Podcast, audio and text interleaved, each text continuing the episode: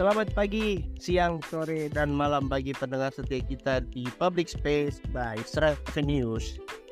Jadi pada ketika podcast ini diambil, ini adalah tanggal 19 Juni 2023 pukul 8 malam. Pada malam ini ya, ada pembahasan spesial, pembahasan spesial tentang podcast kita kali ini. Mungkin teman-teman semua, semua uh, pernah lihat di sosmed ya di sosmed ini kemarin ada yang rame-rame gitu ya jadi pada hari ini gitu, kita akan melakukan kegiatan adu pendapat gitu ya tentang apa yang rame-rame tersebut. Nah di sini sudah ada nih dua komunitas yang akan saling memberikan adu pendapatnya, memberikan pandangannya dan memberikan gagasannya terhadap apa yang rame kemarin. Ya mungkin ini bisa saya sambut terlebih dahulu untuk tim sivilian ada Mas Novan dan Mas Azhar. Halo malam.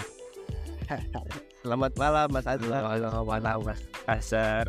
Halo. Hey, selamat malam Mas Novan. Dan di sini ada dari tim Prave News ada Mas Prada dan Mas Rizky.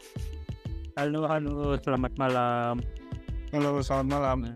Ngomong-ngomong, kita di sini nanti kita mau ngomongin soal apa ya, San? Nah, jadi kemarin itu kan ada yang lagi rame-rame ya. Kita berdebat gitu, kita memberikan pandangan di sosmed.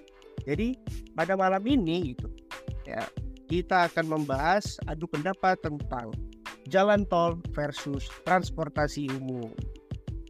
Ya, jadi ini memang materi yang cukup ini, ya, materi yang cukup panas juga. Sekarang ini kita harus mementingkan yang mana sih? Kita harus mementingkan jalan tol atau transportasi umum. Nah ini mungkin dari tim Serasi News dan tim Civiles akan memberikan pandangannya masing-masing seperti. Tanpa berlama-lama lagi, mungkin kita akan langsung bertanya. Yang pertama, kira-kira apa aja sih menurut teman-teman semua manfaat pembangunan jalan layang atau jalan tol? Ini mungkin uh, saya coba kasih kesempatan untuk tim sivilian untuk memberi uh, untuk memberikan pandangannya. Silakan Mas Azhar dan Mas Nova. Oke, oke, oke teman-teman. Uh, sebelumnya Stravenius nih pendengar podcastnya ada ini gak sih panggilannya gitu gak sih? Menurut Stravenius nggak ada ini ya, nggak ada panggilan ke audiensnya ya. Kita langsung jemput aja teman-teman gitu biasanya. Iya. Oh, oke. Okay. Oke, jadi kalau dari pertanyaan tadi ya, dari kalau dari saya sih pikirannya sih kalau untuk jalan tol itu course yang pertama itu meningkatkan mobilitas ya karena memang jalan tol ini membuka akses gitu dari uh, menghubungkan gitu dari daerah-daerah yang memang terisolasi dan juga memfasilitasi uh, pertumbuhan ekonomi juga di daerah tersebut gitu.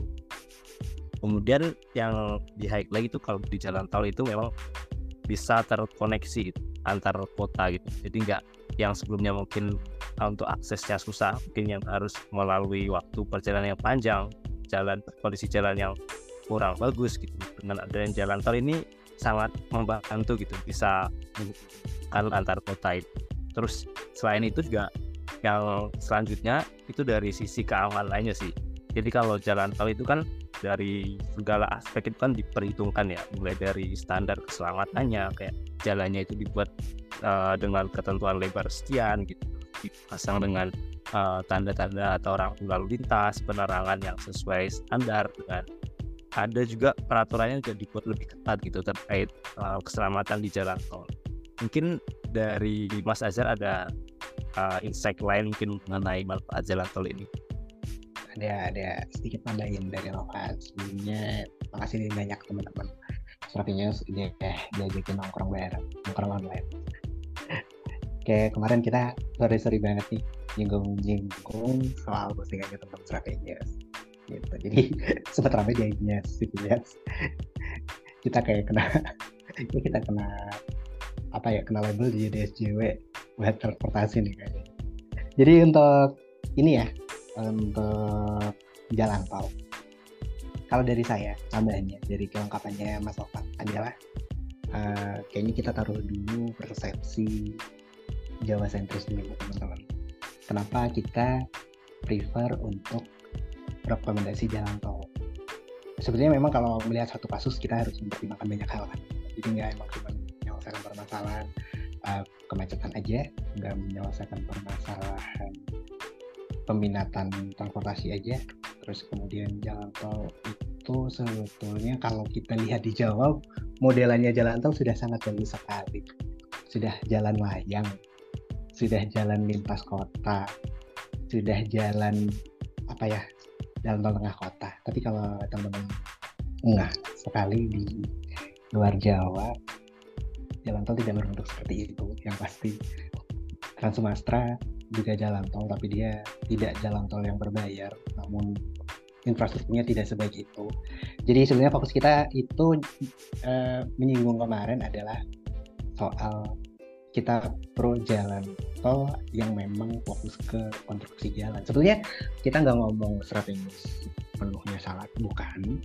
Kita nggak ngomong kita juga yang paling benar enggak tapi banyak aspek yang perlu dipertimbangkan dulu salah salah tiga salah empatnya tadi sudah disinggung sama Mas Novan jadi kalau misalnya dari sisi rata sebelum jauh memilih apakah itu opsi terbaiknya adalah transportasi umum akan jauh lebih baik.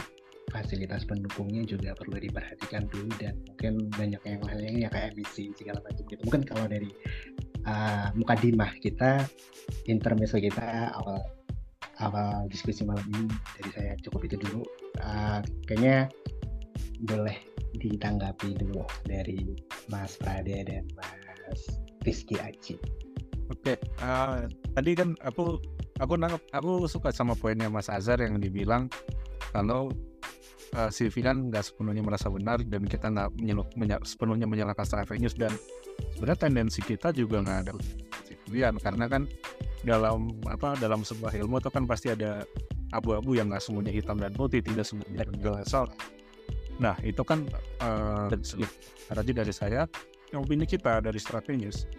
Oke jalan tol untuk yang ke untuk mobilitas antar kota itu memang penting untuk apa bisa mempermudah tas antar kota apalagi sekarang sejak ada Trans Jawa itu makin banyak pilihan uh, bus untuk bus akap atau bus AKDP tapi kalau misal kita ngomong tol dalam kota itu sebenarnya manfaat manfaat apa manfaat dari tol itu sebenarnya bisa kita perdebatkan karena nyatanya ya banyak masalah juga dari yang ditimbulkan ditimbulkan dari jalan tol itu. Misalnya macetnya belum selesai terutama ketika kota itu condong menyelesaikan masalah traffic di kotanya. Udah macet dia bangun jalan tol terus menerus tol dalam kota yang makin tingkatnya semakin banyak dan lain-lain. Itu dari aku. Mungkin Rizky ada tambahan uh, aku pendapat sama Kada uh, pada dasarnya memang jalan tol antar kota yang dibutuhkan ya.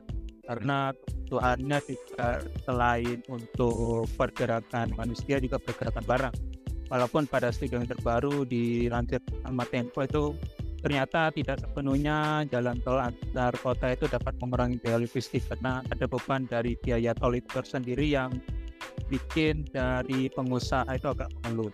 Tapi itu nanti kita bahasnya itu perlu penelitian lebih lanjut ya terkait itu. Tapi poin saya adalah untuk jalan antar kota sendiri memang dibutuhkan. Saya sendiri beberapa kali memanfaatkan bus AKDP atau bus akap itu yang melalui jalan tol dan itu jaraknya uh, dapat memangkas waktu dan itu sangat memudahkan mobilitas uh, saya mungkin komuter antar kota atau misalnya antar provinsi seperti itu.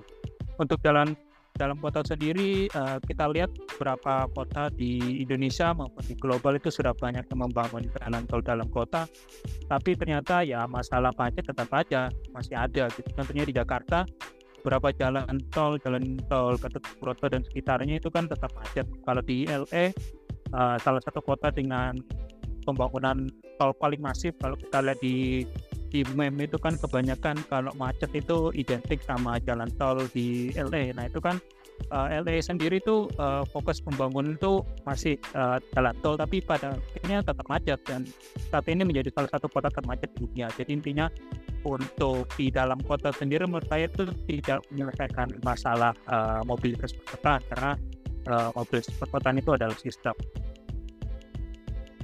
Ini itu saya kembalikan. Oke, uh, terima kasih pandangan yang luar biasa ya. Jadi ketika memang berbicara manfaat memang banyak sekali yang gitu. Tapi ada juga yang uh, perlu kita diskusikan lebih lanjut. Nah, untuk selanjutnya, jadi memang uh, setelah ya, setelah manfaat tersebut gitu, kira-kira nih dari pembangunan jalan layang atau jalan tol itu apa sih gitu dampak yang kemudian bisa ditimbulkan ya dampak kan bisa efek uh, bisa negatif maupun positif gitu ya nah ini di sinilah uh, kita tahu kita bisa tahu nih apa dampak yang sebenarnya terjadi yang ditimbulkan dari uh, pembangunan jalan layang atau jalan tol ini gitu mungkin dari kedua tim dari teman-teman tim Strafinis dan tim Civilians bisa memberikan uh, contoh studi kasus gitu ya jika memang diperlukan gitu Nah ini mungkin saya lempar poin bahasan ini yang pertama untuk tim Strafinis. Silakan tim Strafinis untuk menanggapi. Oke, tadi kan aku sempat bingung dikit tuh uh, mengenai masalah tol dalam kota yang mungkin nggak nggak apa ya dia nggak sepenuhnya menyelesaikan masalah kemacetan. Karena nyatanya Jakarta tolnya banyak jam pulang kerja jam berangkat kerja tetap aja macet. Itu tol sekitar Gatot Subroto. Nah tapi selebih dari itu masalahnya juga lumayan kompleks dan lumayan bervariasi ya. Itu pertama misal kalau kita ngomongin masalah lingkungan itu ningkatin yang namanya carbon footprint karena semakin banyak uh, lahan yang apa berubah uh, perkerasannya dari yang harusnya menjadi daerah resapan dia berubah menjadi beton.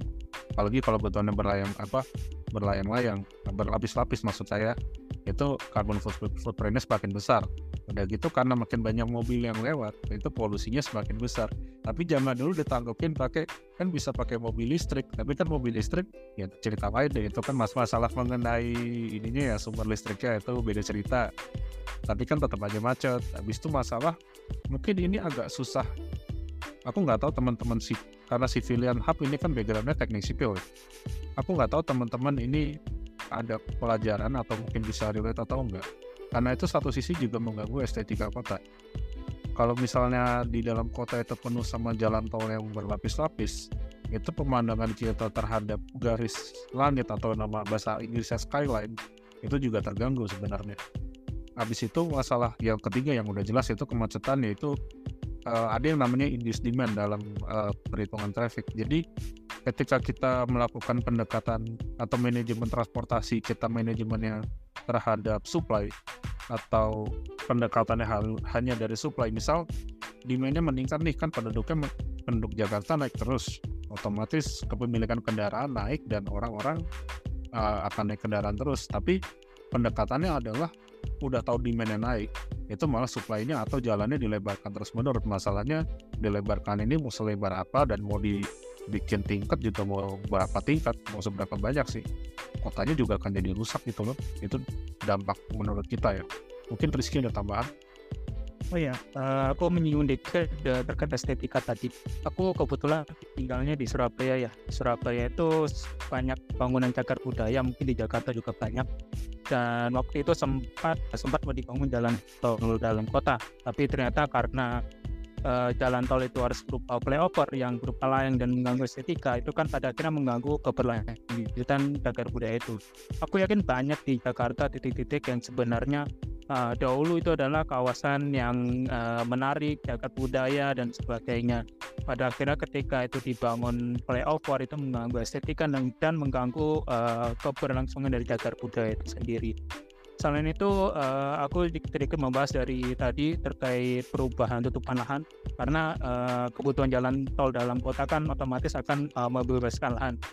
Dan kebanyakan itu lahan-lahan uh, marginal milik uh, warga yang digusur dan itu pada akhirnya menimbulkan masalah sosial lagi karena belum tentu juga uh, masyarakat itu sebenarnya setuju. Tapi karena itu misalnya proyek strategis nasional masyarakat menengah ke itu tidak memiliki kemampuan power untuk melawan itu. Dan itu kan menimbulkan masalah konflik sosial lagi. Belum lagi masalah terkait perubahan tutupan lahan tadi seperti yang dijelaskan oleh Prada tadi uh, perubahan tutupan lahan kan dari misalnya sebelumnya kawasan hijau resapan berubah menjadi jalan tol itu uh, dapat menyebabkan banjir dan sebagainya karena berkurangnya resapan, uh, limpasan air permukaan naik dan sebagainya. Itu sudah uh, untuk macet sendiri uh, seperti yang saya jelaskan di awal itu tidak menyelesaikan masalah macet ya industri karena nyatanya malah beberapa kota di dunia itu yang tadi saya menjelaskan LA itu malah sekarang menghapus jalan tol seperti contohnya di Seoul itu ada kawasan yang dulu sebelumnya jalan tol saat ini dirubah pasarnya menjadi sungai dan ruang terbuka yang akhirnya mengenerate aktivitas masyarakat dan akhirnya dapat menyebabkan uh, pengurangan dari emisi itu. Karena sungainya itu bisa digunakan untuk daerah resapan banjir dan juga untuk ruang terbukanya itu bisa untuk menyerap emisi karbon. Dan itu sih contoh-contoh yang sebenarnya jalan jalan tol kota itu uh, tidak sepenuhnya bermanfaat ya menurut ya karena kota itu dibangun dari mobilitas berbeda itu adalah sistem. Jadi jalan tol kota ya jalan-jalan tol yang bagus tapi kalau dalam kota itu menurutku bukan salah satu bagian dari dari tim cipilan kota ada tanggapan oke wah kalau dari kami sebetulnya memang benar ini disampaikan Mas Radya soal karena kami itu kebetulan backgroundnya yang di ada pertimbangannya adalah um, soal OTP BTP. Jadi kemampuan untuk seseorang melakukan perjalanan. Kita coba, emang kalau ngomongin soal kan jadi kompleks sekali jajarnya. Jadi coba pelan-pelan hanya mau sampaikan dari yang macam dulu deh. Benar, masing-masing punya contohnya sendiri-sendiri. Dari Rizky Haji tadi ada contoh yang jalan tol dirubah jadi sungai terus dari Mas Prada juga Gatot Subroto juga bakal tetap macet-macet aja buktinya mau di berapa lapis mau berapa lebar juga sama um, kalau dilihat kalau studi Jakarta memang iya. Nggak bisa dibilang enggak karena memang iya. Memang perlu kajian butuh aksi untuk menyelesaikan itu. Namun uh, perlu diingat juga beberapa tahun ke belakang kita sempat SEA Games teman-teman. Jadi di SEA Games ini Palembang tuh bikin LRT sebuah ini deh sebuah transportasi umum dari stadion sampai dengan bandara. Dan itu lewat tengah kota.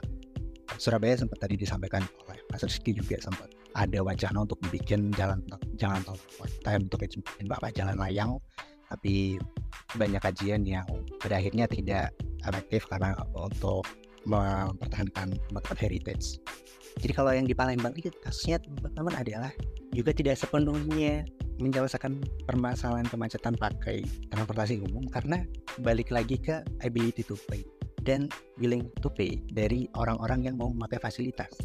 Kalau dari kami, kami tetap di sebelum um, ya mereferensikan untuk solusinya adalah umum mungkin mengurangi emisi tadi seperti tadi disebutkan lalu kemudian itu itu perlu perlu banget kayaknya fasilitas pendukung transportasinya juga perlu diperhatikan. Karena tadi LRT yang di Palembang tuh sekarang tidak tidak sebegitunya dipakai karena dia yang ada di tengah kota lalu kemudian orang mau pakai juga yang belusukan-belusukan gang juga.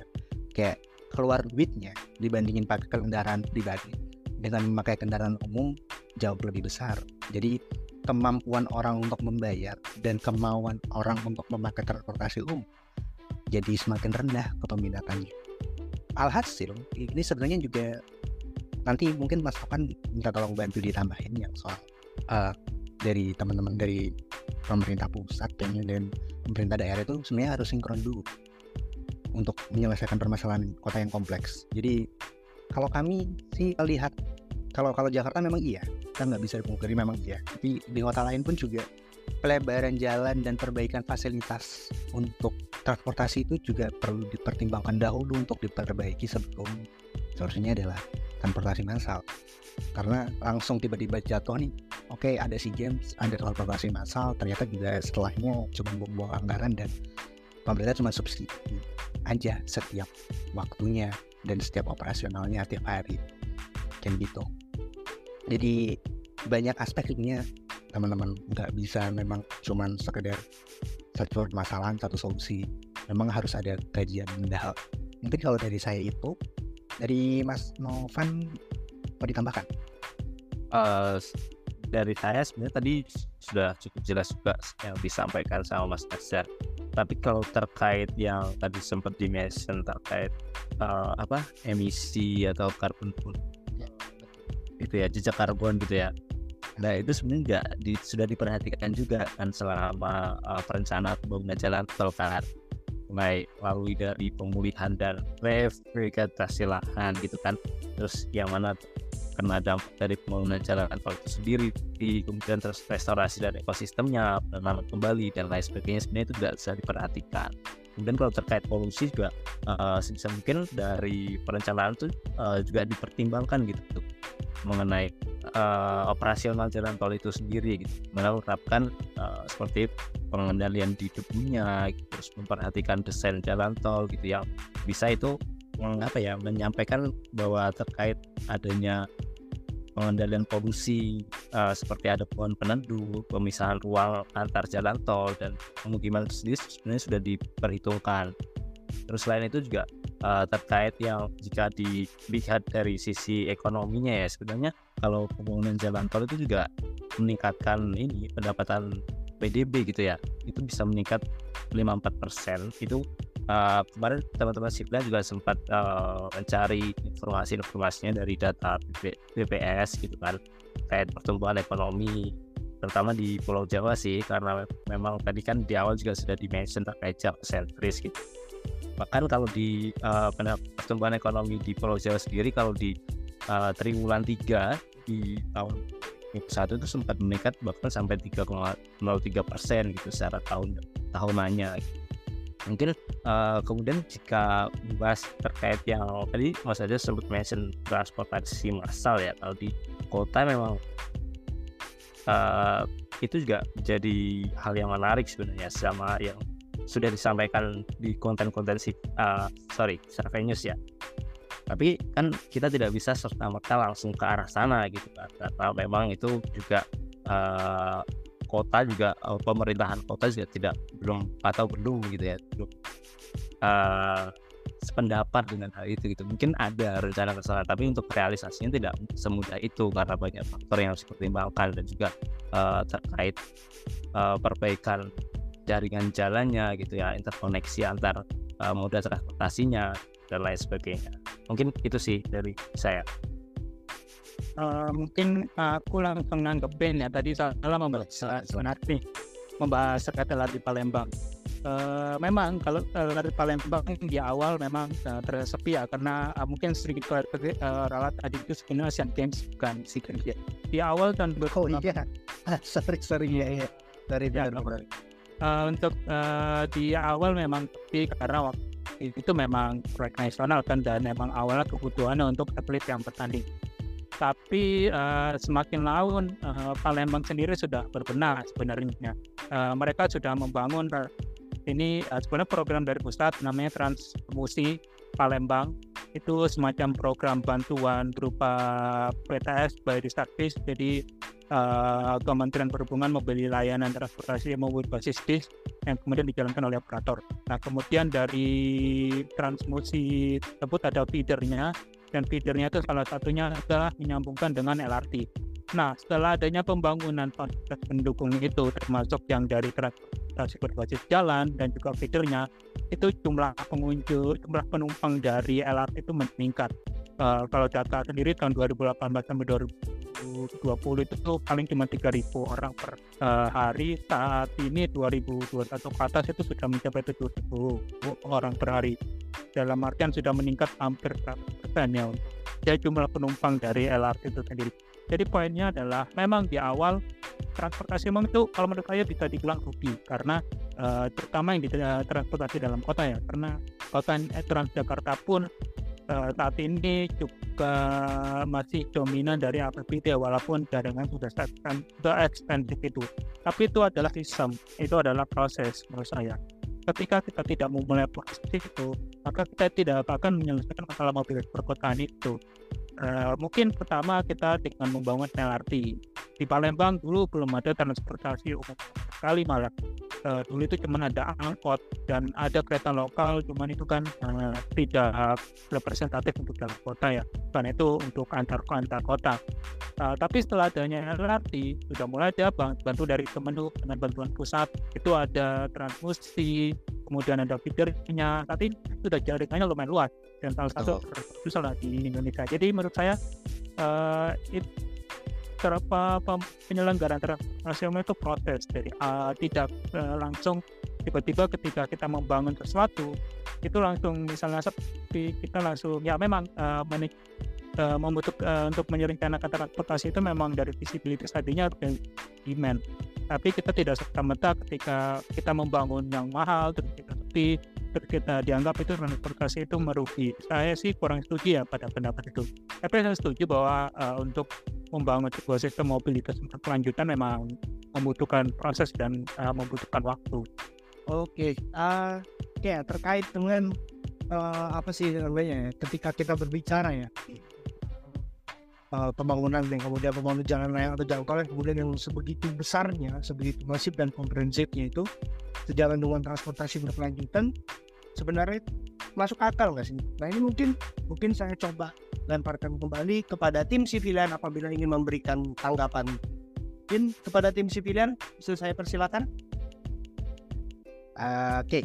ini tadi soal pembangunan jalan tol masif ya, transportasi berkelanjutan ya. Uh, jadi dari konten kita sebenarnya memang penyatain fokus pengamatan kita adalah jalan tol strategi kemacetan sejalan dengan arah atau peningkatan ekonomi negara dari melancarkan mobilitas, pengumpulan waktu, mobilitas yang baik serta peningkatan Nah, tapi untuk saat ini maksudnya pembangunan jalan tol itu yang dipegang oleh Indonesia karena merupakan proyek strategis nasional ada pemerintah di pemerintah daerah. Jadi, um, sedangkan kita fokus dengan transportasi massal yang terintegrasi antar daerah, kami rasa hal ini masih belum kerap mendukung dari infrastruktur jalan yang belum memadai.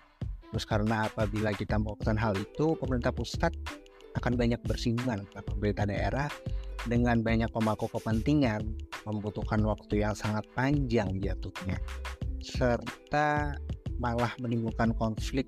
Ada kemungkinan untuk menimbulkan konflik akan hal ini jadi civil ansap kami sepenuhnya yakin kalau pemerintah tentu punya pertimbangan sendiri untuk menyelesaikan ini dan transportasi berkelanjutan. Karena tidak serta merta diam uh, pasti ada tim khusus untuk memberikan hal ini untuk memikirkan solusi untuk masalah ini. Betul memang bisa jadi hilirnya adalah transportasi massal tapi bisa jadi juga hulunya sebelum capai pengadaan transportasi massal tersebut jadi balik lagi sih perlu waktu yang cukup untuk menyiapkan supporting construction gitu kita sih nyebutnya itu fasilitas pendukung fasilitas pendukung. Oke. Hmm. Boleh boleh Mas Prade. Oh. Aku pengen aku pengen nanggepin ke masalah kan kalau yang kita tahu kalau dari sis, apa yang namanya pembangunan berkelanjutan atau sustainable ya. development itu kan ada tiga aspek ya. Ekonomi sosial dan lingkungan. Nah kalau ekonomi mungkin tadi teman-teman berpendapat soal PDRB daerah terus kalau soal lingkungan tadi sebenarnya lingkungan ini menurutku agak di, agak debatable gitu terutama untuk yang jalan tol dalam kota. Tapi kalau jalan tol luar kota tadi ya mungkin bolehlah ada yang mau mau pertimbangan soal adanya jalur hijau mungkin di luar negeri ada ada yang namanya apa sih? Jembatan satwa itu loh yang di luar negeri kan ada beberapa ya jalan tol ada jembatan satwa tapi masalah sosial ini bagaimana? Kayaknya masalah lingkungan juga belum bukan yang sepenuhnya diselesaikan. Eh bukan sepenuhnya bersih. Masalah sosial juga banyak isu-isu sosial yang bermunculan misal penggusuran warga tadi yang sempat dibaca sama Rizky itu gimana pendapatnya kalau menurut teman-teman civilian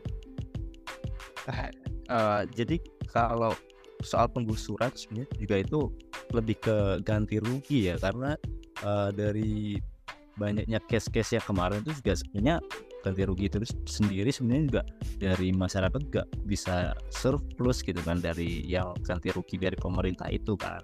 Terus kemudian kalau dari aspek sosial ya tadi yang sebenarnya sudah dimention juga mengenai connectivity ya. Jadi uh, keterhubungan. Sebenarnya uh, aspek sosialnya juga bisa jadi kita lihat dari connectivity antar community gitu. Jadi jadi di komunitasnya gitu. Karena di sini berarti bisa jadi uh, jalan tol ini mengkoneksikan antar wilayah. Jadi di situ masyarakat akhirnya jadi saling terhubung gitu. Karena di sini kalau kita melihatnya skupnya dari uh, lebih luas ya. Tidak terfokus dalam satu kota aja. Karena menurut saya juga tadi yang sudah sempat disampaikan uh, dengan Mas Azhar tadi saya juga sepakat dengan itu bahwa kalau memang uh, uh, untuk pembangunan apa sorry maksudnya peningkatan atau pengefektivitasan dari transportasi massal di dalam kota itu juga sebenarnya tidak serta-merta uh, bisa langsung digunakan gitu. Karena banyak sekali PR yang harus diperbaiki uh, atau yang harus diselesaikan terlebih dahulu terlebih kalau misalkan memang berfokus dalam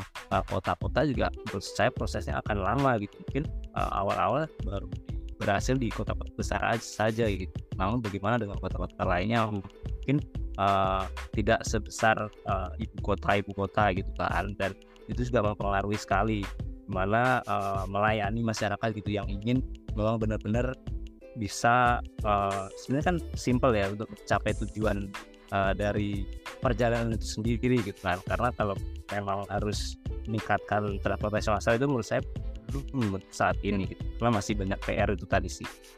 Uh, Oke, okay. kita tambahin soal ini tadi ya izin. Nggak harus makan Untuk sosial ya deh soal konflik sosial ya memang sih. Karena memang aspek sosial. aspek sosial. Iya aspek sosial. Aspek sosial ini sebenarnya gampang-gampang sulit. Karena kalau di betul betul betul. Iya. kalau misalnya teman-teman yang ngomong jadi basicnya teknik akan dijawab secara keteknikan. Kalau teman-teman yang ngomong yeah. di diskusi di sini adalah teman-teman mungkin sosial humaniora gitu ya kita bakal ngomongnya juga dari aspek itu juga. Jadi ini agak sedikit ini tapi kalau misalnya emang emang ada ada keliru silahkan koreksi. Aja. Di sini malam ini kan diskusi ya. Jadi masing-masing punya pendapat sendiri. Aspek sosial. Soal penggusuran nanti. Cukup seru. Karena betul ketika kita melakukan perbaikan konstruksi jalan ataupun pelebaran jalan pembuatan jalan layang tentu sudah sangat sangat jelas kalau apa apa yang dilewati oleh oleh suatu jaringan jalan itu yang nantinya tujuannya untuk konektivitas akan bisa jadi ada kemungkinan menggusur sebagian apa sih namanya sebagian lahan warga. Tapi uh, sebetulnya di masing-masing pemerintah itu punya catatan apakah tanah tersebut itu uh, sudah bersertifikat atau belum kalau kita bahas soal teknik pasti arahnya akan ke sana tapi Ya, tetapi seperti yang kita tahu tidak semudah itu menyelesaikan permasalahan. Permasalahan tersebut tidak semudah itu. Betul. Ya, sejauh ini sih yang yang yang sebenarnya cukup oke okay untuk menyelesaikan permasalahan sosial adalah oke okay, ganti rugi mungkin, tapi kadang ganti rugi itu alat negosiasi. Uh, alat negosiasi. Baik lagi sebetulnya semua uh, fasilitasnya perlu diperbaiki dulu sih uh, baik dari teman-teman Civilas atau dari teman-teman Stravenius karena kalau misalnya memang dampak dari konstruksi jalan dari tadi lahan dia kan pasti harus mempersiapkan solusi seperti kayak dulu tuh pernah ada tapi tepatnya ya tar-tar deh kalau misalnya ada itu aku tambahin deh sebenarnya ya. Uh, kayak pemerintah tuh nyiapin nyiapin rusun gitu loh. Kayak nyiapin rusun kalau memang dirasa rusun sesuai dengan nilai ganti ruginya jadi untuk siapa saja yang terlintas dari konstruksi jalan itu ya aspek sosialnya yang yang bisa dilakukan secara keteknisan adalah memang nanti rugi tempat tinggal kalaupun memang meskipun sudah dibuktikan secara historical dari record tanah yang di apa ya dibangun-bangun untuk tempat tinggal mereka pun itu uh, bukan sepenuhnya kepemilikan pribadi. Bisa jadi masih pemilikan negara. Itu jadi uh, balik lagi ke tujuan. Kalau memang tujuannya untuk perbaikan konstruksi tersebut untuk menyelesaikan permasalahan di nantinya meskipun hilirnya adalah pengadaan transportasi massal ya itu mau tidak mau kita harus akui harus dilewatin dulu karena mau diselesaikan dengan transportasi massal pun juga akan mungkin untuk jangka waktu dekat menyelesaikan permasalahan tapi tidak menyembuhkan penyakit. Hmm ya, okay. ya. Lebih istilahnya yang bisa kita gambarkan kayak gitu. Menyelesaikan permasalahan untuk saat itu iya, tapi menyembuhkan penyakit tidak. Karena nantinya bakal bakal bakal tetap ujung-ujungnya kita juga memperbaiki fasilitas pendukung itu. Baik baik jalannya diperbaiki, baik kalau memang setelah di- dilakukan pengkajian jalannya tetap kurang lebar juga kita akan melakukan itu meskipun unit sudah ada di di lapangan ya. Unit sudah ada terus anggaplah guna moda transportasi tersebut ada terus banyak yang minat. Kalau memang fasilitas konstruksinya dan fasilitas mendukungnya belum memadai kita juga akan balik ke permasalahannya dulu meskipun hilirnya juga sebenarnya sudah berbaiki sistem sistem yang yang teman-teman Straven bisa di sempat paparkan. Kita nggak bilang itu salah itu bagus bagus. Cuman jangan lupakan ada kan sebelum itu yang perlu. Karena ketika itu belum diselesaikan nanti akan terpanggil lagi untuk itu juga harus diselesaikan lagi. Kalau dari saya nggak tahu ini ya mas ta- tahapan yang harus dilewati dulu ya ya ya, ya. Gitu ya mas Azhar ya. Hmm, betul betul sekali Jadi tadi dari ber- beberapa bahasan gitu kita membahas tentang ada juga eh, konflik yang kemudian dihasilkan gitu. Nah ini sebenarnya ya ketika berbicara tentang rencana pembangunan kira-kira ada nggak sih eh, menurut teman-teman ya kedua tim alternatif lain ya yang kemudian dirasa eh, lebih sustainable ya dibandingkan membangun jalan jalan layang atau tol ini. Jadi eh, kira-kira solusi apa sih gitu yang kemudian bisa dilakukan yang kemudian bisa lebih eh, mengurangi lah mengurangi dampak negatif ya dan memberikan apa, apa manfaat positif lebih banyak daripada apa yang kita bahas malam ini yakni pembangunan jalan raya atau tol gitu mungkin eh, di sini kedua tim bisa memberikan eh, apa ya pandangannya teman di sini yang pertama saya mau lempar dulu tentang bahasan ini kepada tim Stravenius kepada tim Stravenius dipersilakan Oh iya, aku tadi langsung nyinggung aja ya tadi dari pembahasan sebelumnya bahwa ya saya setuju memang untuk membangun budaya untuk naik transportasi umum itu proses. Tapi dalam suatu proses itu tentu perlu ada hal-hal yang dilakukan ya. Dalam sebuah dalam mobilitas berkelanjutan itu ada istilahnya namanya ASI, avoid, save, dan improve. As, uh, avoid itu berkaitan dengan mengurangi uh, uh, mengurangi pergerakan yang tidak perlu dan juga kita kan mau pergerakan mobilitas yang efisien. Efisien dalam eh, dalam hal ini itu berkaitan dengan bagaimana kita bergerak lain itu tidak perlu untuk menghabiskan energi yang lebih. Salah satu contohnya adalah dengan membangun elektrifikasi atau membangun TOD. Dengan adanya TOD maka kita eh, orang ketika eh, berpindah eh, dari tempat asal ke tempat tujuan itu tidak perlu uh, misalnya menggunakan mobil atau kendaraan pribadi karena itu jaraknya dekat. Yang pertama itu sistemnya adalah avoid. Yang kedua adalah shift. Shift ini adalah beralih ke transportasi umum. Dan shift ini kita tidak bisa untuk untuk kita ketika membangun transportasi umum kita langsung wah ayo naik transportasi umum itu paketnya nggak ada ya nggak mau orang. Dan makanya tapi shift ini adalah sebuah sistem juga di mana kita mungkin juga tidak mengenal terkait bagaimana konsep uh, push and pull strategi ya di mana kita harus mendorong pull pull itu adalah uh, menarik dengan membangun fasilitas transportasi umum. Push itu dengan mendorong dengan kebijakan misalnya tadi apa itu namanya kebijakan LT kemudian kebijakan pembatasan kendaraan pribadi dan lain sebagainya dan itu uh, yang kedua kemudian yang adalah improving ini berkaitan dengan uh, sistem teknologi yang dapat mengurangi dari konsumsi energi dan juga uh, efisiensi dari operasional. Jadi uh, transportasi itu adalah sebuah sistem yang berproses. Yang kita itu ketika kita membangun transportasi untuk membangun budaya transportasi itu tidak bisa kita utuk-utuk langsung uh, ketika membangun transportasi gagal itu kita nggak uh, usah lagi ya proyek transportasi itu karena itu adalah sebuah proses. Tadi saya jelaskan sistem dari hulu ke hilir, dari dari kebijakan yang membangun fasilitasnya, kemudian mendorong masyarakat dari masyarakat dan juga uh, ketika komunikasi transportasi mengajak masyarakat untuk berpindah ke terus dari pusat guna lahannya juga di dibuat konteks sehingga orang tidak uh, perlu ketika uh, kota tempat itu tidak perlu menggunakan kendaraan pribadi dan sebagainya. Mungkin nanti uh, penjelasan TKPO dan sebagainya nanti akan dijelaskan uh, teman PKD tapi intinya adalah uh, transport uh, membangun mobilitas berkelanjutan itu adalah umum jadi kita ketika tidak kita tidak uh, bisa menyalahkan uh, nah ini maka otomatis jalan tol langsung jalan tol Jawa oke kalau saya Ah, Oke, terus aku tadi yang aku sepakat sama poin yang kayaknya di titik beratin sama Rizky itu poin yang shift. Yaitu kan kita beralih ke transportasi umum, tapi itu perlahan-lahan, jadi nggak nggak tiba-tiba ujuk-ujuk semua orang harus pindah ke transportasi umum. Mungkin ini poin yang teman-teman sivilan akan setuju kan, akan setuju di satu sisi.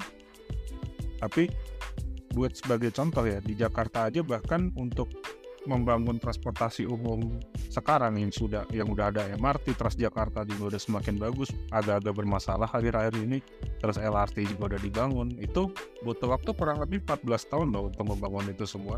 Iya emang gak instan tapi hasilnya ketika itu bagus itu apa ya kasarnya nih buah buah yang dituai hasil yang dituai itu hasil yang bagus banget bukan hasil yang setengah-setengah gitu oke lah mungkin kalau misalnya apa uh, di Jakarta emang uh, masih belum sepenuhnya selesai masalah angkutan umum. Ridership juga nggak sepenuhnya tinggi. Bahkan beberapa orang buat ke beberapa misal dari rumah ke kantor itu jaraknya bisa jauh banget. Itu bisa puluhan puluhan kilo. Dan itu nggak bisa diakses dengan transportasi umum mungkin beberapa orang. Dan buk, tapi bukan artinya kita menyerah dengan keadaan no, bukan artinya kita menyerah oh ya udah kalau gitu kita bangun jalan tol aja. Seluruh apa angkutan umum nggak menyelesaikan masalah.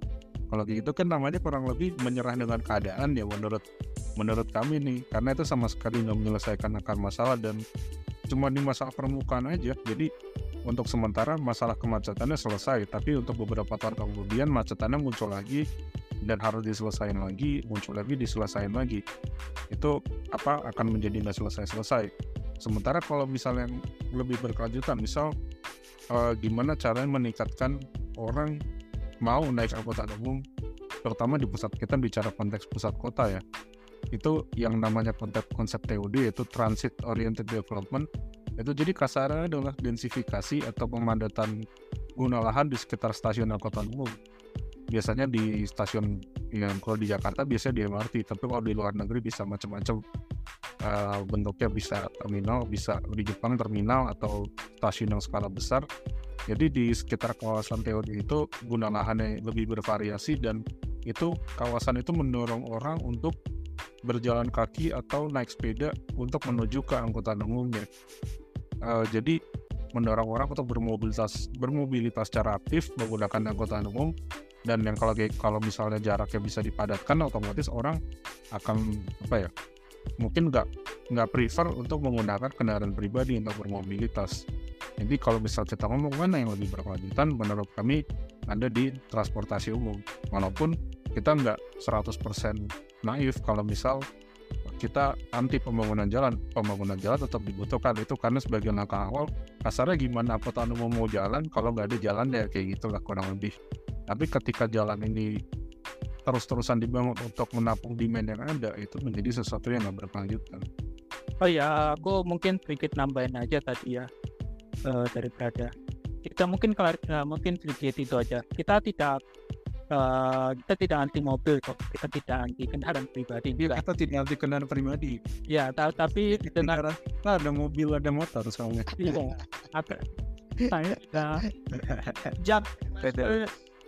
Ya juga saya juga fans balap mobil jadi ya F1 dan sebagainya. Cuman oh. yang perlu yeah, yeah. yang perlu ditekanin adalah transportasi itu memberikan pilihan pada semua orang itu secara layak. Dan itu yang singgung juga terkait tadi sosial ya. Dengan adanya transportasi umum seperti contohnya di Jakarta supaya lansia anak-anak itu bisa bermobilitas itu dengan aman dengan nyaman tidak perlu ya uh, dan itu bisa menyasar seluruh kalangan kalangan karena tidak semua orang menggunakan uh, mobil, dong. Ya mungkin motor juga orang sudah punya ya. Tapi kan untuk uh, dalam jarak jauh dalam jarak tertentu kan kadang uh, kalau motor aja kan agak membahayakan apalagi untuk anak-anak atau membawa keluarga banyak. Nah dengan adanya transportasi umum itu memberikan pilihan bagi mereka tempat dari tempat buat contohnya aja uh, karena dari Surabaya aku kita di Surabaya itu ada uh, itu atau lansia itu yang ketika tiap hari ya enggak tiap hari juga sih ketika dia dia uh, dia reguler untuk menggunakan transportasi umum padahal itu mereka itu dari kalangan keluarga mampu dan menggunakan mobil. Kenapa ketika misalnya uh, mereka menggunakan transportasi? Karena nyaman. Karena karena di transportasi umum mereka tuh tidak perlu capek-capek menyetir atau ketika tidak perlu menyempatkan kereta yang mahal dan sebagainya karena nyaman. Jadi waktu uh, dengan ini memberikan alternatif lah bagi semua kalangan ya. Itu saya kita kalangan atas yang sebenarnya itu tidak perlu transportasi, oh, mereka mobil apalagi kalangan bawah yang mobil misalnya ada beberapa kali saya menemukan itu ada rombongan keluarga yang, yang mengajak anak-anaknya berfoto misalnya ya, ya Jakarta yang jauh ketika naik mobil macet ya karena Ya, itu mungkin tanggapan dari tim Stravenius. Mungkin dari teman-teman civilians ada yang mau menanggapi uh, pendapat Mas Prada yeah. Mas Rifki. Ya Mas Novan? Sebelum Mas Novan? Ya gimana nih? Uh, bentar, bentar. Gimana nih Mas Azhar nih? Saya, kalau dari saya sih keren ya ternyata. Saya mendengar uh, sistem transportasi yang telah disampaikan Mas Prada dan Mas Rizky Aji itu jadi menarik gitu ya. Terutama yang tadi ASI tadi avoid save improve ya saya sangat kayak yang di ah, uh, avoid ya avoid ya. Tadi dijelaskan misal Prada terkait TOD tadi. Nah di situ juga matter sekali sih kalau misalnya kita bisa uh, uh, ya kita bisa mendorong masyarakat itu lebih aktif gitu kan mulai dari jalan kaki atau bersepeda dengan memanfaatkan tata guna lahan di sekitar uh, stasiun atau mungkin terminal gitu. Itu menarik sekali sih. Terus kemudian yang shift juga itu di high tadi uh, beralih ke transportasi umumnya secara bertahap gitu kan. Saya nggak langsung uh, mendorong masyarakat langsung ke transportasi umum itu enggak juga tapi juga dibarengi dengan uh, pemenuhan fasilitas-fasilitas jaringannya dan juga mungkin uh, jalan-jalannya juga itu seru sih. Kalau dari Mas Azhar sendiri gimana Mas? Kayak mantap sih ini. Ini subjektif ya sebelumnya. Uh, jatuhnya subjektif banget. Nggak apa apa talang ya, ya. pada akhirnya disuruh memilih untuk transportasi berlanjutan. Setuju transportasi massal. Apalagi dijelasin sama Mas Rizky Haji tadi cukup cukup apa ya cukup kami sebagai yang non dari yang PWK iya jadi jadi jadi jadi apa ya jadi jadi mudah mencernanya uh, kalau dilihat dari Betul. kenapa kenapa kenapa kenapa kita jadi balik lagi kita kita kalau di tadi kan ada ATP WTP ada kemauan untuk untuk kemauan dan kemampuan untuk uh, transportasi. Yep.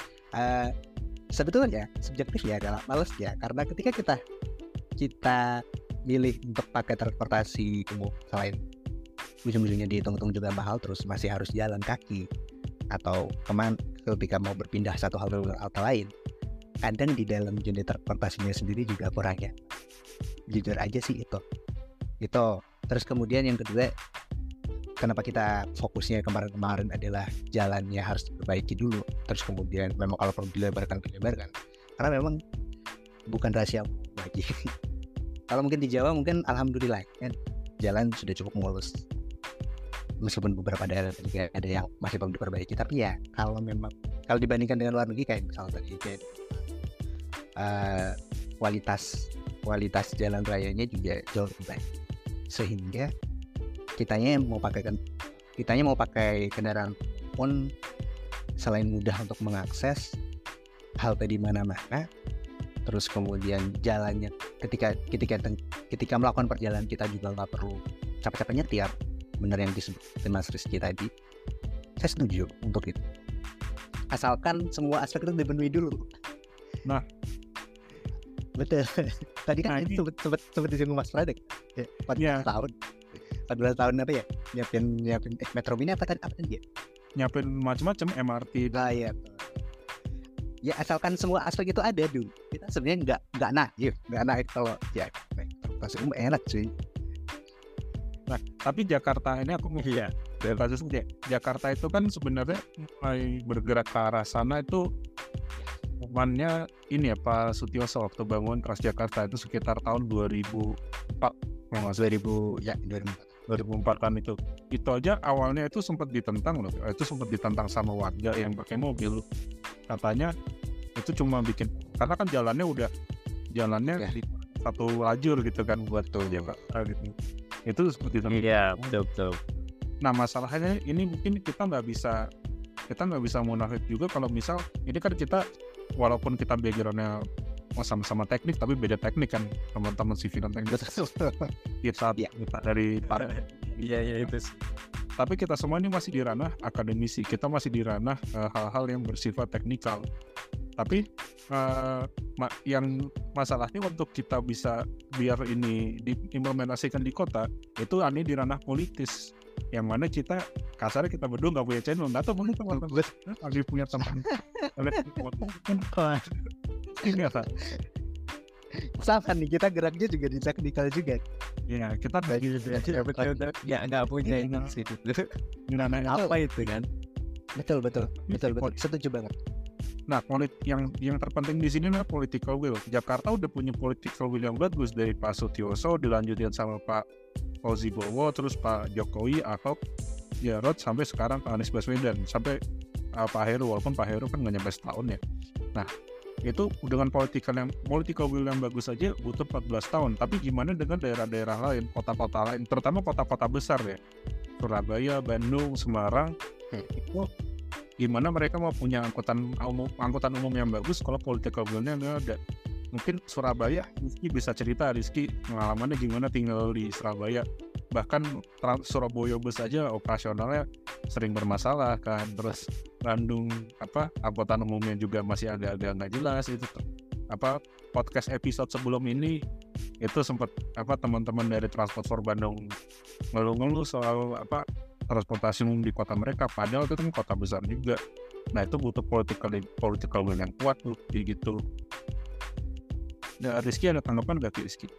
Aku setuju banget political will ya karena semua ini berkaitan juga Rat, kenapa transportasi ini tidak menjadi prioritas di beberapa kota yang Jakarta mungkin kita kita membandingkan karena dia APBD-nya aja akan triliun dan untuk mungkin sekitar uh, untuk transportasi umum itu sekitar 10 persen dan itu sama aja dengan APBD kota Surabaya. Dan mungkin tapi itu uh, bukan kita tidak lagi membahas tidak tidak membahas kita putaran APBD ya. Uh, Surabaya pun APBD-nya triliun tapi ternyata uh, porsi transportasi umum itu 0,00 persen. Biar apa itu. Bandingin sama misalnya kota yang lebih kecil Semarang itu sebenarnya cukup bagus transportasi umumnya ya sudah ada Trans Semarang ada Transjasa atau fiturnya dan juga itu uh, udah ada belasan koridor uh, totalnya ya, totalnya itu ada belasan koridor dari Semarang itu dan sebagainya. Padahal itu uh, APBD-nya itu setengah dari Surabaya. Jadi ketika misalnya orang Surabaya membandingkan atau pemerintah kota Surabaya membandingkan APBD kita dan besar Jakarta loh. Semarang yang kecil aja uh, transportasi umumnya tuh kalau kita itu kan ini agak menyinggung juga karena dua kota yang disebutkan sama Pratika tadi Bandung dan Surabaya itu kota yang sering ya. Nah, orang bilang orang Bandung ya teman-teman dari dari Bandung atau transporter Surabaya yang bilang itu kota market karena rencana transportasi umumnya itu banyak. Kalau di Bandung sendiri itu tempat membangun mau membangun LRT dan metro kapsul itu mungkin kayak Jakarta. Bahkan itu lebih awal daripada Jakarta. Ingat saya itu rencananya itu sudah ada sejak tahun 1995 tapi sampai sekarang ternyata cuma Surabaya juga pernah Wah, lama banget ya Mas ya. ya itu udah puluhan tahun loh bahkan Ya. kita jadi nyanyi yang berarti nggak jadi jadi Iya. cuma di Angan-angan ya kata-katanya. ya. cuma dipajang gitu aja bener blueprintnya udah ada teknikalnya udah dapat tapi ternyata political will lagi Bener. iya kemudian Ya, apalagi kalau yang sudah berganti-ganti. ya dua apalagi ganti politik berubah lagi dan sebagainya. Surabaya juga gitu. Surabaya nggak selama Bandung sih tapi dia sempat ada rencana Puro Tram itu tram dan ya ya betul betul. Tapi dua-duanya itu kan uh, mungkin pas mas ini ada orang Surabaya jadi paham ya. Jadi tapi mereka pada akhirnya kan mereka jadi dan karena nggak nggak itu dari keuangannya Surabaya jadi intinya sebenarnya itu lebih realistis lah. Terus pemerintah ya nggak perlu nggak perlu muluk muluk pasti mas Prate sudah menjelaskan. Kalau misalnya Jakarta itu cukup tetap di bangun MRT itu membangun sistem fondasi transportasi di jalan nah, kota-kota yang lain itu udah harusnya udah itu nggak perlu udah langsung LRT deh.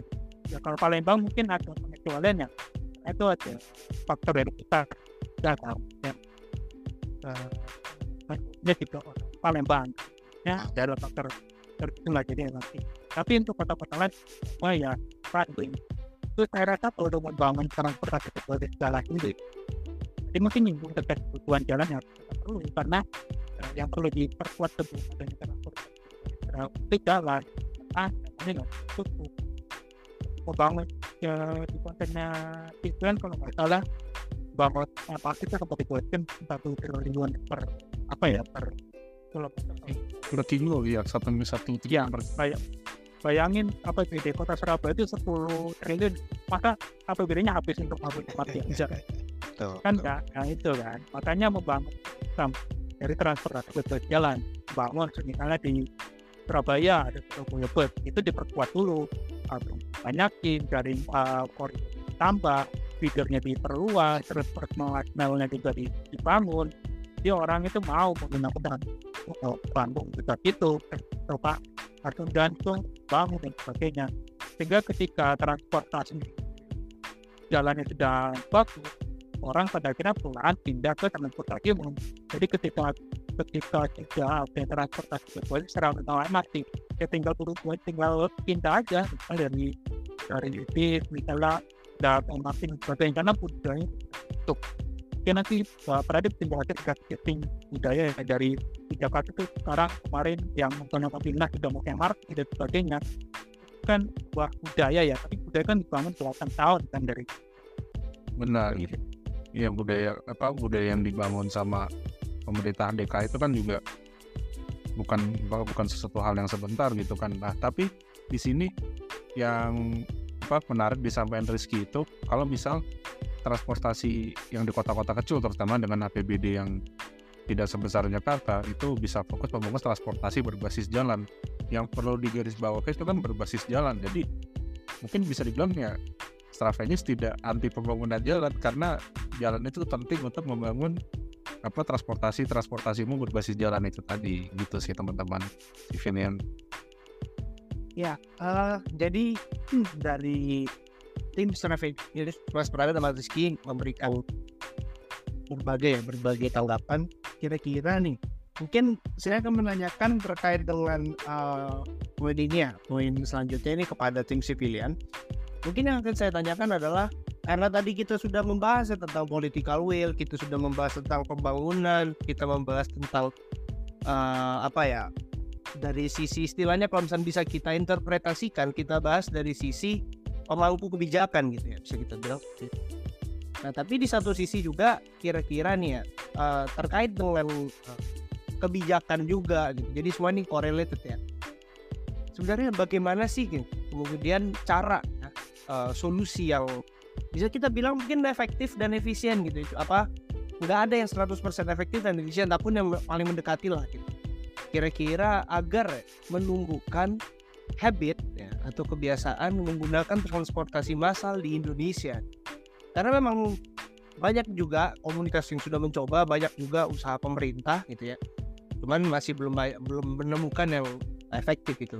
Nah kira-kira eh, ada nggak solusi yang kemudian bisa ditawarkan? Kemudian apa ada relasi antara kebijakan pemerintah terhadap transportasi massal yang sustainable gitu?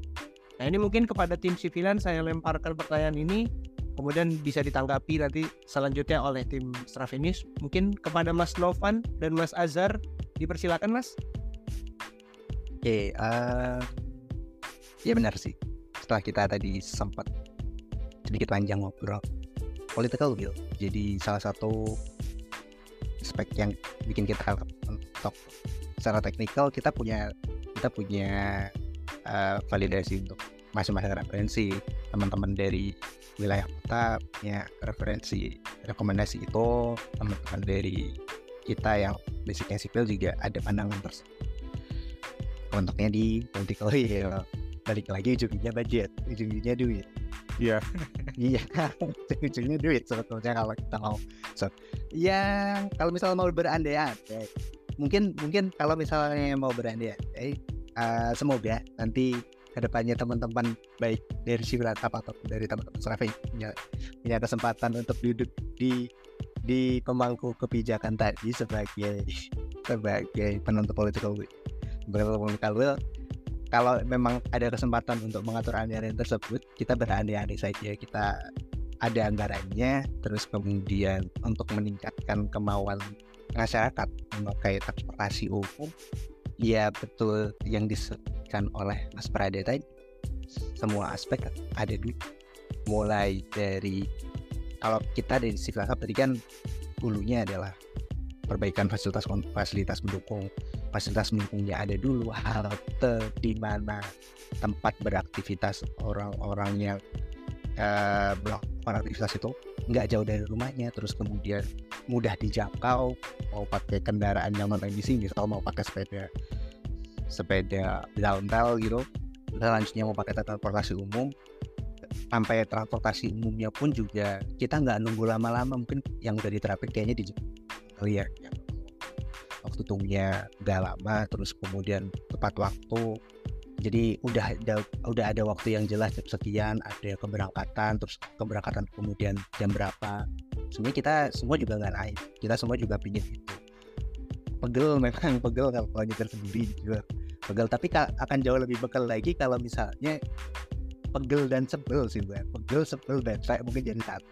Kalau misalnya kita udah niat nih pingin pingin naik transportasi biar nggak capek-capek nyetir biar sampai di lokasi kita juga uh, apa namanya nggak kecapean.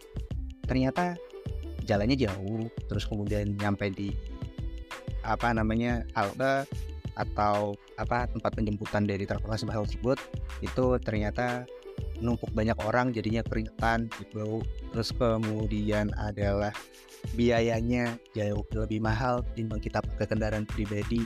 Lalu kemudian adalah waktu di jalan jalannya ternyata juga banyak yang lubang-lubang akhirnya di jalan jadi capek uh, sebenarnya kalau semua aspek itu ada yang disebutkan tadi ya kita seneng-seneng aja. Mau mau mau mau aja mau banget malah. Kalau bisa itu nggak cuma di dalam kota antar kota pun demikian kita pun juga senang gitu. Kita nggak nggak nggak nggak nggak nggak terkotak-kotakan kayak cuma ya kudu jalannya diperbaiki gitu. Enggak jadi semua aspek itu memang cara teknikal memang harus diperbaiki. Jadi political will membantu itu semua untuk stakeholder uh, memberikan jalan lah memberikan jalan hal tersebut masing-masing diperbaiki sehingga kepeminatan untuk memakai transportasi itu kita juga peminatannya meningkat. Kalau dari kalau dari saya sih, kalau dari Mas Tokan mau nambahin apa ya? Wah yang disampaikan Mas Cesar udah lengkap sih. Kalau maksudnya kalau menumbuhkan habit ya, ayo sorry menumbuhkan minatnya, ya, betul. itu kalau menurut saya ya dari tadi aspek-aspek itu aspek dasarnya itu harus dipenuhi dulu gitu. Ya kalau misalkan saya pribadi bicara dari saya pribadi gitu. Kalau misalkan dari transportasinya udah oke okay gitu ya saya pasti pilih transportasi umum gitu. ngapain saya mikir uh, capek-capek kayak harus nyetir gitu kan harus nyetir terus mikirin parkirnya harus di mana gitu terus mikirin fuel dan segala macam gitu betul ya, fuelnya belum ya, belum lagi pajak ya pajak pajak per tahun pajak. Nah, pajak oh, kan kalau nggak kalau bisa transportasi nyiapin. garasi garasi. Garasi betul itu yang lagi rame ya. Rumahnya di perumahan parkirnya di depan Ya benar, benar, benar. Betul, betul. Itu sih dari saya juga itu. Aspek-aspek dasarnya itu sih yang dipenuhi dulu. Mendukung segala. Kalau dari si kakak mungkin itu deh Mas Asar. Kalau mau ada tanggapan selanjutnya dari teman-teman Serapenius buat ngelengkapin, jadi, jadi kita ada benang merahnya mau. Ya, so, mungkin aku langsung nanggepin aja ya. Mau nggak mau silakan Mas Rizky. Ya mungkin saya langsung menambahkan ya bahwa saya setuju dengan Mas Novan dan Mas Anzar tadi bahwa untuk membangun budaya transportasi umum itu perlu proses. Tentunya jaring-jaring tetap diperlukan. Jalan tol tetap diperlukan untuk pergerakan antar kota. Transportasi pun juga diprioritaskan. Dan untuk membangun budaya transportasi umum, itu tidak kita tidak bisa ujuk-ujuk langsung uh, masyarakat bisa pindah. Enggak, itu adalah sebuah sistem. Dimulai dari hulunya, yakni pemerintahnya membangun fasilitas, regulasinya bagaimana, kemudian kelembagaannya jangan sampai dengan banyaknya transportasi umum malah bikin ribet karena tidak terintegrasi dan bikin biaya yang diperlukan itu mahal. Ini contohnya di Surabaya dan juga di Bandung nih. Itu ketika menggunakan transportasi umum itu lebih mahal karena antar operator angkutan umum itu tidak terintegrasi. Kemudian dari segi political will-nya bahwa untuk membangun transportasi umum itu tidak usah muluk-muluk lah. Semarang itu bisa contoh bagus karena dia membangun dari transportasi berbasis jalan terlebih dahulu sebelum pada akhirnya melangkah ke depan. Dimulai dari pembangunan transportasi berbasis bis Trans Semarang yang kemudian uh, dilengkapi dengan feeder dan juga Transjateng yang menghubungkan antar kota. Kemudian sehingga pada akhirnya uh, cakupan layanannya juga cukup tinggi sudah hampir 80% wilayah di Semarang itu ter terlayani oleh transportasi umum. Padahal APBD-nya itu hanya setengah dari APBD-nya mungkin Surabaya yang 10 triliun itu. Tapi Semarang bisa, itu kan tergantung political will-nya. Kemudian dari ma dari swasta juga sebagai operator, kemudian dari masyarakat sebagai pengguna, kemudian dari komunitas juga kami beberapa kali berbincang dengan transport for Surabaya dan juga transport for Bandung di mana mereka gerakan-gerakan mereka mampu menyadarkan masyarakat untuk beralih ke transportasi umum. Jadi uh, untuk membangun budaya transportasi umum dan mobilitas yang berkelanjutan itu adalah sebuah sistem dari hulu ke hilir, dari hulu sebagai uh, dari fasilitasnya, kemudian hilir sebagai pengguna, uh, masyarakat sebagai penggunanya. Mungkin itu dari saya. Kedua tim ya, saling memberikan pandangannya masing-masing kami memberikan gagasannya masing-masing. Ya, jadi luar biasa sekali. Mungkin saya ingin mengucapkan terima kasih kepada kedua belah pihak dari tim civilian dan tim Stravenius kepada Mas Novan, Mas Azhar, Mas Prada, dan Mas Rizky telah berpartisipasi dalam gagas pendapat pembangunan jalan tol versus transportasi umum. Uh, buat teman-teman dari dari pendengarnya Strakenius, dari pendengarnya Civilians. Jadi apa pun dis hasil diskusi kita malam ini mau tetap pro atau kontra, ingat teman-teman tadi sempat berkali-kali disinggung sama Mas Rizky Aji sama Mas Prade juga. Ilmu nggak ada yang hitam putih. Eh selalu ilmu ilmu nggak selalu hitam nggak selalu putih. Ada yang abu-abu juga. Jadi uh, lebih bijak lagi untuk mengelola referensi jadi kalau dari kami, kami senang banget malam ini udah diajak ya, diskusi online. Semoga nanti ke depannya kalau memang ada kesempatan kita bisa meet in a person ya, Mas. Ada bro. Iya. Mas Aji. Terus Mas Asar juga asik kita situ, asik. kita kita namanya sama biar beneran tahu apakah kita cuma satu orang yang dia ada di dua tubuh identik emang beda orang ya gitu.